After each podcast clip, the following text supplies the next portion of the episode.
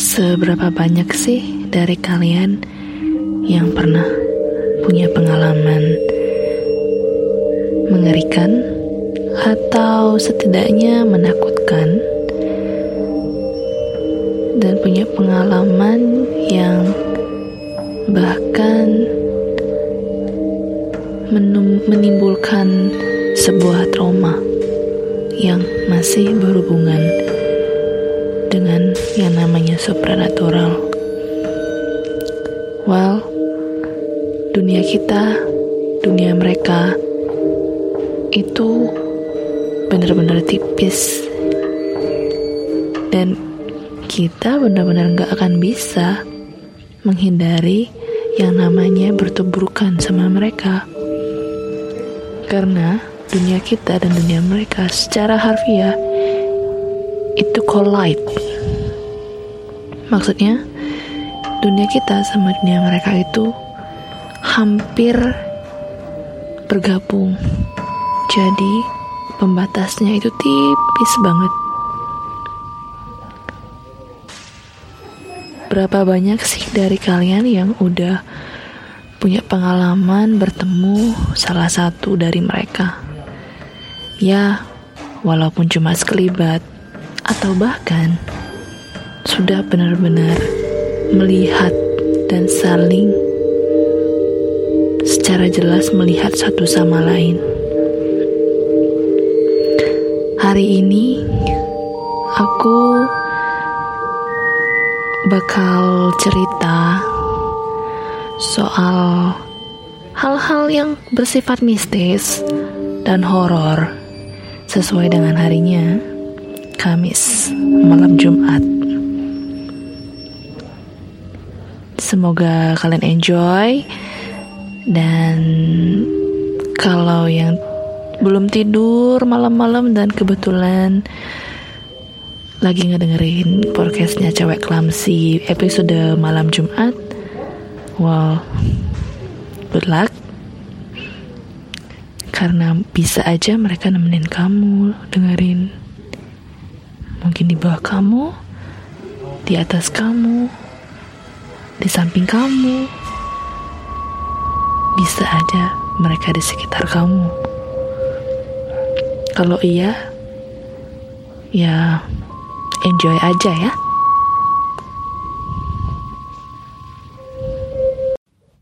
Cerita horor yang pertama berasal dari RSCM yang berada di Jakarta Pusat.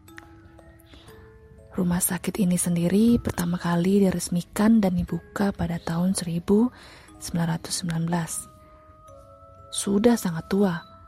Nyatanya, hal itu selaras dengan sangat banyaknya pengalaman mistis di tempat ini. Salah satunya berasal dari seorang mahasiswa bernama Romli. Pada suatu malam, ia tengah berjalan pulang menuju rumahnya namun, di tengah perjalanan, ia melihat segerombolan orang tengah berkumpul di pinggiran jalan. Ia pun lantas menghampiri gerombolan tersebut. Nah, ternyata orang-orang di sana berkumpul lantaran tengah membantu seorang korban kecelakaan. Romli pun lantas menyadari bahwa korban tersebut adalah teman sekampusnya. Ia bergegas menolong temannya tersebut dan membawanya ke rumah sakit terdekat dengan bantuan warga sekitar. Kebetulan, rumah sakit terdekat dengan lokasi kejadian pada waktu itu adalah RSCM, sehingga Romli pun membawa temannya untuk berobat ke rumah sakit tersebut. Sesampainya di rumah sakit, teman Romli langsung mendapatkan perawatan intensif. Romli pun mencoba untuk menghubungi kedua orang tua temannya. Namun ternyata kedua orang tua temannya itu tengah berada di luar kota dan baru bisa tiba di rumah sakit pada esok pagi. Romli pun dimintai tolong oleh kedua orang tua temannya agar menjaga temannya itu hingga esok pagi tiba. Setelah mengiyakan, Romli kemudian meminta izin kepada kedua orang tuanya untuk dapat menemani temannya yang tengah terbaring lemas di RSCM. Setelah itu, ia pun pergi menuju ruang di mana temannya tengah mendapat perawatan. Waktu telah menunjukkan pukul 23.30. Rumah sakit pun begitu sepi. Romli yang sedari tadi berusaha untuk tidur tetap saja terjaga lantaran masih syok dengan kejadian yang dialami temannya. Akhirnya ia pun memutuskan untuk membeli segelas kopi guna menghilangkan rasa bosan menunggu kantuk yang tak kunjung tiba. Ia kemudian bertanya lokasi kantin kepada seorang perawat yang kebetulan ditemui di salah satu lorong RSCM. Namun, alih-alih mendapat petunjuk, Romli malah bingung karena penjelasan dari perawat yang sedikit tidak jelas. Akhirnya, ia pun memutuskan untuk menggunakan instingnya demi mendapat segelas kopi. Nah, ketika tengah berjalan-jalan di lorong yang gelap, ia mencium aroma obat-obatan yang sangat menyengat. Selang beberapa menit, ia pun mendengar suara aneh seperti orang yang tengah berbisik. Suara tersebut terdengar berasal dari lorong yang ada di depannya. Karena penasaran, ia pun mendekati sumber suara. Anehnya, ketika Romli memasuki bangsal di mana sumber suara tersebut berasal, suara aneh itu malah menghilang Romli pun melihat sekelilingnya yang tampak sangat berantakan. Kemudian, pandangan Romli diarahkan ke sebuah meja yang terletak di sudut ruangan. Saat itu, memang kondisi bangsal sangat minim cahaya, sehingga ia harus sedikit memincingkan matanya guna mendapatkan penglihatan yang fokus. Setelah berusaha untuk melihat dengan jelas, ia lantas terkejut karena melihat sepotong kepala wanita berambut panjang tergeletak di atas meja tersebut. Ngerinya, wajah dari wanita itu tampak tersenyum dengan tatapan tajam ke arah Romli sambil tertawa cekikikan. Sontak Romli langsung kaget dan lemas dengan apa yang baru saja dilihatnya. Ia pun bergegas keluar dari ruangan tersebut dengan tergesa-gesa.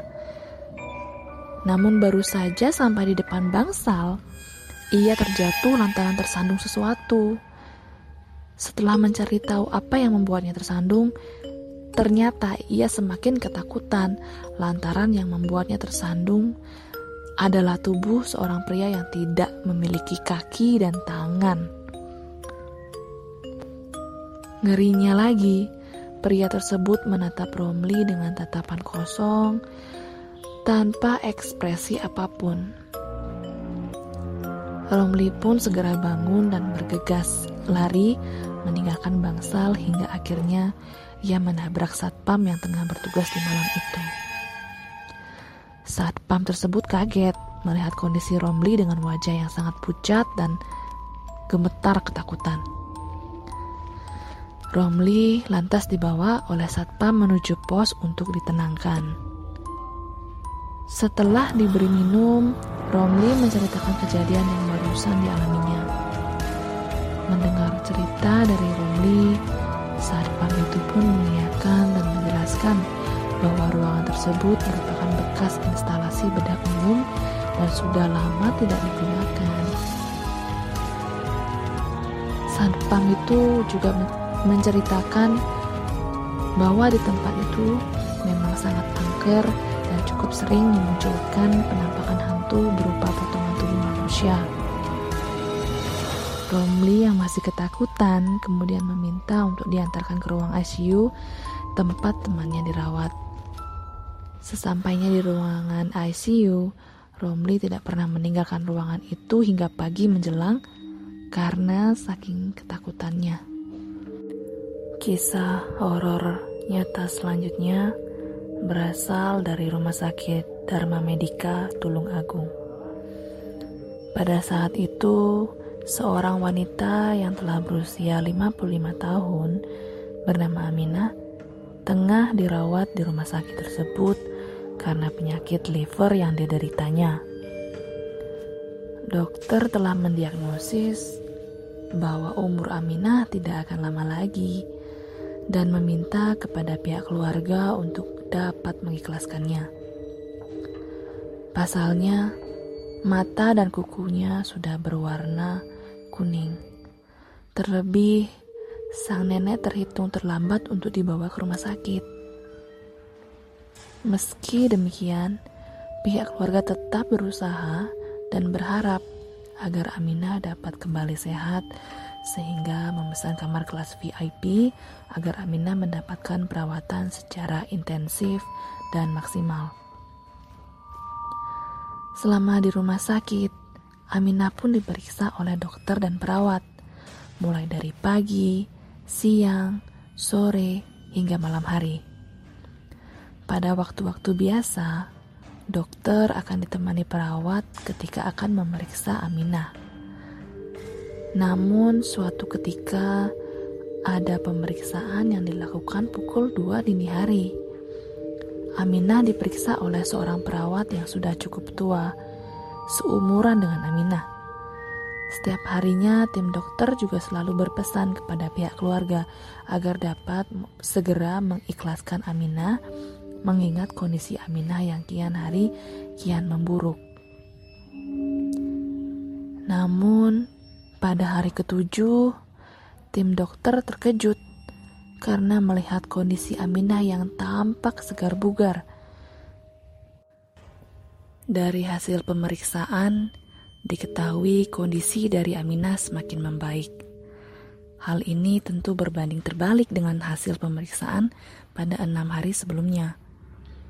Aminah pun bertanya kepada dokter dan perawat yang biasa memeriksanya pada pukul 7 malam terkait ke mana suster yang biasanya memeriksa pada pukul 2 malam. Aminah ingin mengucapkan banyak terima kasih kepadanya. Mendengar ucapan tersebut, dokter dan perawat sangat terkejut. Pasalnya, sesuai dengan jadwal rumah sakit, tidak ada pemeriksaan yang dilakukan pada pukul 2 dini hari lantaran maksimal tidak lebih dari tengah malam. Terlebih, tidak ada perawat di rumah sakit tersebut yang berusia 55 tahun.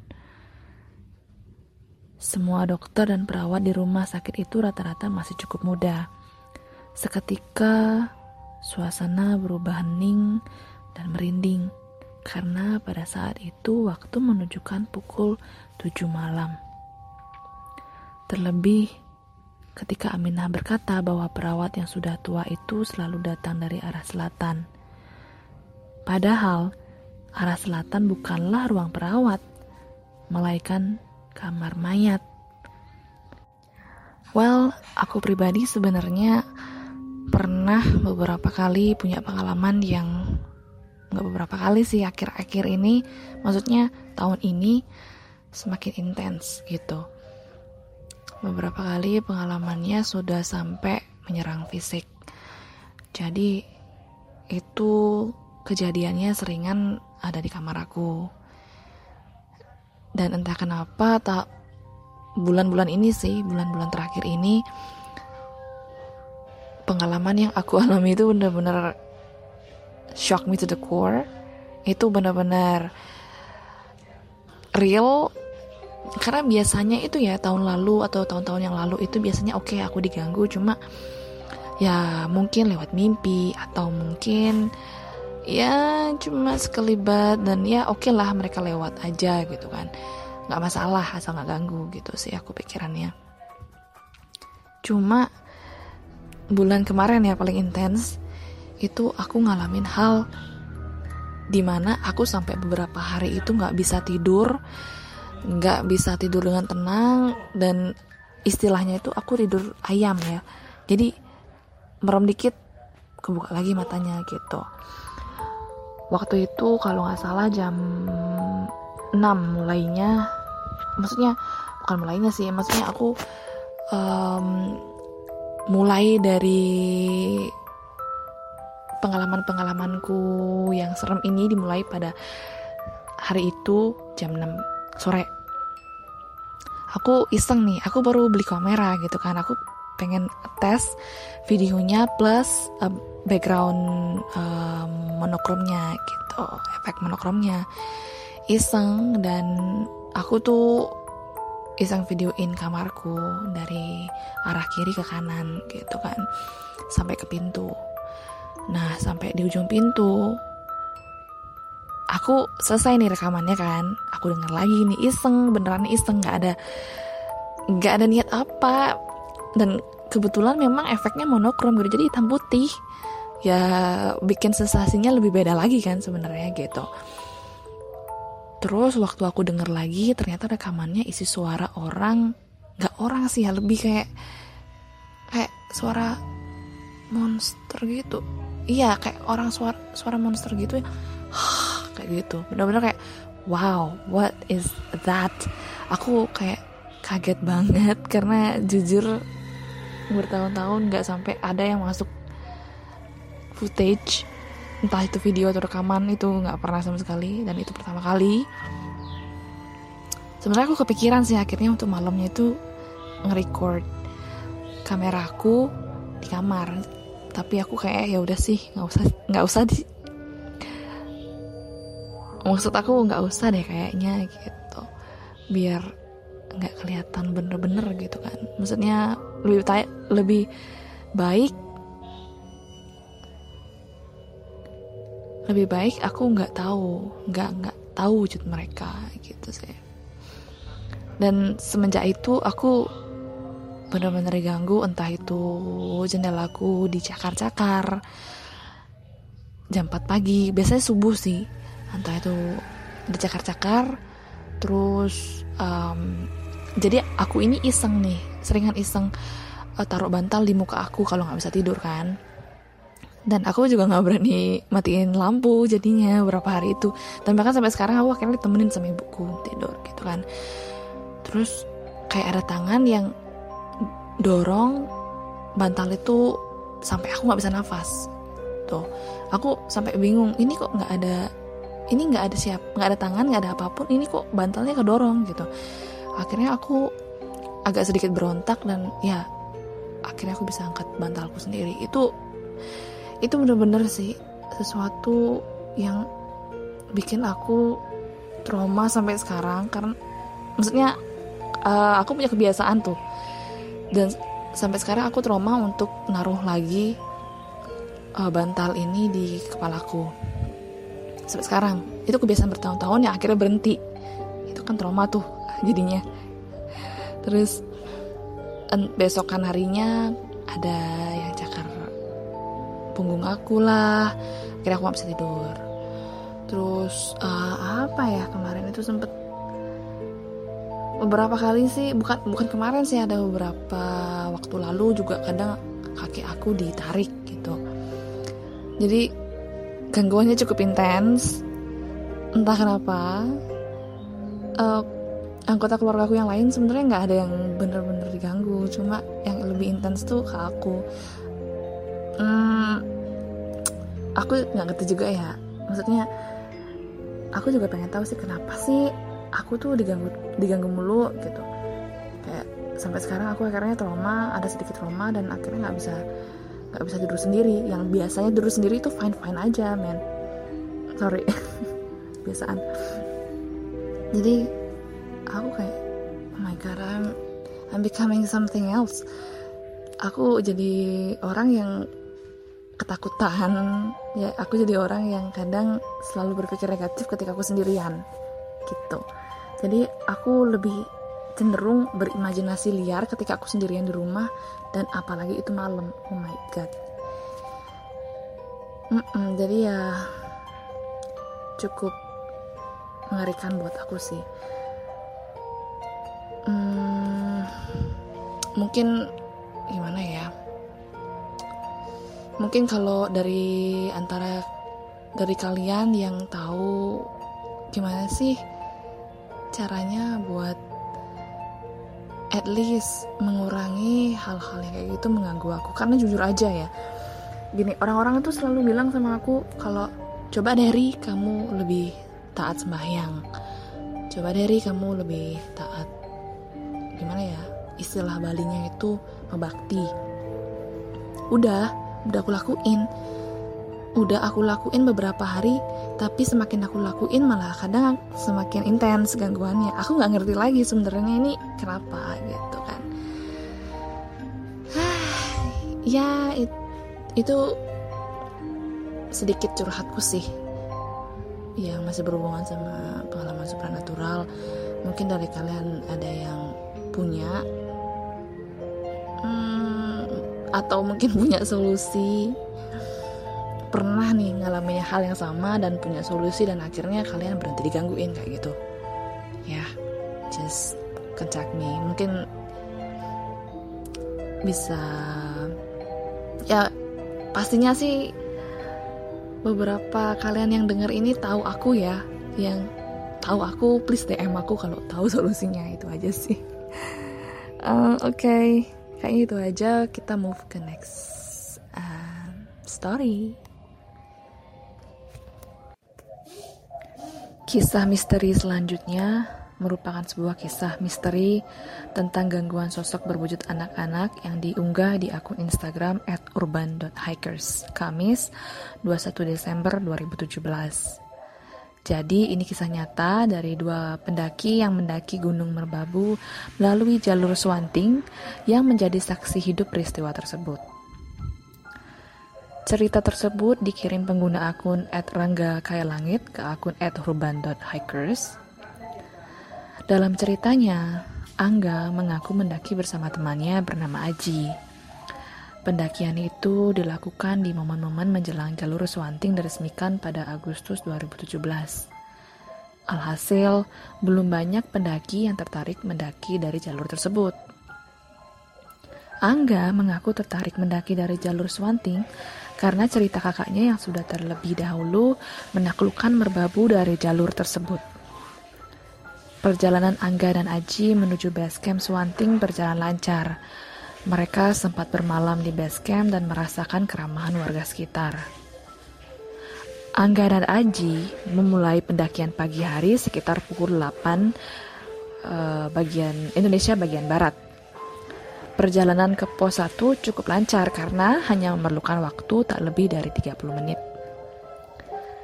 Perjalanan dilanjutkan ke pos 2 yang memerlukan waktu kurang lebih 3 jam. Angga dan Aji makan siang di pos 2 sembari mengumpulkan tenaga untuk medan yang lebih berat. Pos 3 bisa dicapai setelah melalui hutan manding. Berdasarkan briefing dengan pengelola base camp, kami diminta kami diminta salam saat mau memasuki hutan manding. Alasannya agar perjalanan lancar dan selamat. Aku yang tak peduli dengan hal-hal seperti itu langsung saja memasuki hutan tapi Aji memilih nurut dan berhenti sebentar untuk membaca sesuatu. Jelas Angga. Angga dan Aji harus melalui medan yang sangat berat memasuki hutan manding. Jalur sempit dengan kemiringan ekstrim membuat perjalanan tak, semu tak, tak semudah pos-pos sebelumnya. Dan bahkan Angga tak bisa melihat sinar matahari karena lebatnya vegetasi hutan manding. Sepanjang perjalanan, kata Angga, kami baru menyadari bahwa kami tidak berpapasan dengan pendaki lain. Waktu itu kadang sayang merasa kalau sudah tersesat. Penantian mereka berdua akhirnya terjawab setelah tiga jam mendaki. Mereka keluar hutan manding menemui sebuah padang rumput, tanda sudah dekat pos tiga. Angga dan Aji memutuskan untuk beristirahat dan bermalam di pos 3 yang merupakan padang rumput luas. Setelah mendirikan tenda, mereka menghabiskan sore dengan berfoto-foto. Keduanya berfoto-foto sampai matahari terbenam. Angga sempat memilih tidur pukul 17.30 karena merasa sangat lelah setelah selesai makan malam, keduanya menghabiskan waktu melihat foto-foto dan alangkah terkejutnya Aji saat melihat bayangan orang lain di fotonya padahal dirinya sedang sendirian. Foto itu diambil saat Angga memilih tidur sore tidur sore hari sebelumnya. Mereka berdua tak mampu menjelaskan secara logika bayangan di foto tersebut. Hingga akhirnya memilih tidur agar bisa agar bisa sampai puncak besok paginya. Tapi niatan mereka untuk tidur harus gagal karena gangguan dari makhluk tak kasat mata. Sejak pukul satu malam, saya sudah terbangun, kata Angga, karena ada suara langkah kaki dari luar tenda. Sempat kukira hewan, tapi saat aku periksa menggunakan senter, tak ada hewan apa pun, dan suara pun tak mau hilang. Suara itu seperti mengitari tenda kami. Jelas Angga.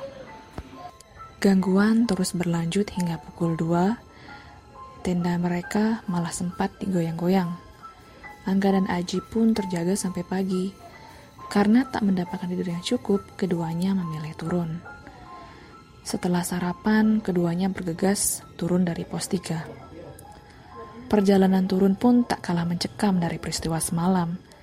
Angga dan Aji sampai berebut posisi depan karena mereka merasa ada langkah kaki yang ikut turun. Suara langkah kaki terdengar cukup jelas di belakang kami, kata Angga. Saat kami berhenti, langkah kaki pun ikut berhenti. Saat perjalanan turun, mereka sempat berpapasan dengan rombongan pendaki yang terdiri dari tiga orang. Sempat menjelaskan kondisi jalur pendakian, Angga dan Aji pun berpamitan, dan kalimat dari para pendaki itu membuat kondisi semakin kacau. Mas, itu adiknya disuruh jalan di depan aja, Nanti takutnya malah hilang kalau di belakang. Ucap Angga mengulang teriakan pendaki lain itu. Angga juga mengungkapkan pendaki itu meneriaki Angga sembari tertawa girang. Mendengar hal itu, Angga dan Aji semakin ketakutan. Mereka semakin kencang berlari turun. Menggunakan seluruh kekuatan untuk keluar dari hutan manding. Akhirnya mereka berdua sampai di lembah hutan Manding, tanda mereka sudah keluar. Angga yang hampir pingsan nekat untuk meminta sosok anak-anak yang tak kasat mata itu agar tidak terus mengikuti. Alasannya, Angga tidak membawa jajan. Katanya, Dik, gak usah ngikutin terus, aku gak bawa jajan. Tulis Angga mengulangi ucapannya. Setelah kalimat itu, perjalanan mereka sampai base camp baik-baik saja. Angga dan Aji pun beristirahat sekitar satu jam di base camp. Setelah kembali bugar, mereka memutuskan langsung turun dan pulang ke Yogyakarta. Saat pulang, hmm, ada anak-anak kecil mengiringi kami, kata Angga. Saat kami berlalu, salah satu dari mereka berteriak, Mas, lain kali kalau ke sini bawa jajan ya, jangan lupa, katanya. Wow, oke. Okay. Jujur aku merinding. Um, cukup merinding mendengar cerita ini soalnya ini relate relate banget sama keseharian terutama kes, keseharian orang Hindu ya karena gini uh, mungkin nggak cuma orang Hindu mungkin semua agama juga menyarankannya kayak gitu jadi kalau setiap kita memasuki tempat apa pun itu di mana pun itu terutama tempat yang sudah lama kosong atau yang ditinggalkan atau tempat yang asing bagi kita nggak ada salahnya sih kita buat salam. Entah itu Om Swastiastu atau Assalamualaikum untuk Islam dan mungkin untuk Kristen bisa permisi atau apa pun itu yang penting itu suatu salam. Karena basically gini seperti yang aku bilang di intro tadi dunia kita, dunia mereka itu batasnya tipis banget. Dan di mana pun kita bakal kalau kita nggak bisa lihat, oke okay lah kita nggak nggak gini ya, nggak nggak nggak bakal tahu kalau di mana-mana itu sebenarnya ada mereka gitu. Dunia mereka itu sama kita hampir bertubuk bertubrukan, sorry. Dan itulah gunanya kalau kita ke mana pun kita selalu membawa uh, perilaku respect kita, rasa hormat kita entah kepada siapa pun termasuk yang tidak kasat mata karena mereka juga punya dunia mereka sendiri gitu. Mereka juga ingin uh, diakui atau setidaknya um, dihargai keberadaannya begitu. Jadi ya dan termasuk juga kalau misalkan ke mana-mana nih ya, ya enggak enggak semua tempat sih. Beberapa kus, beberapa tempat aja tempat-tempat khusus.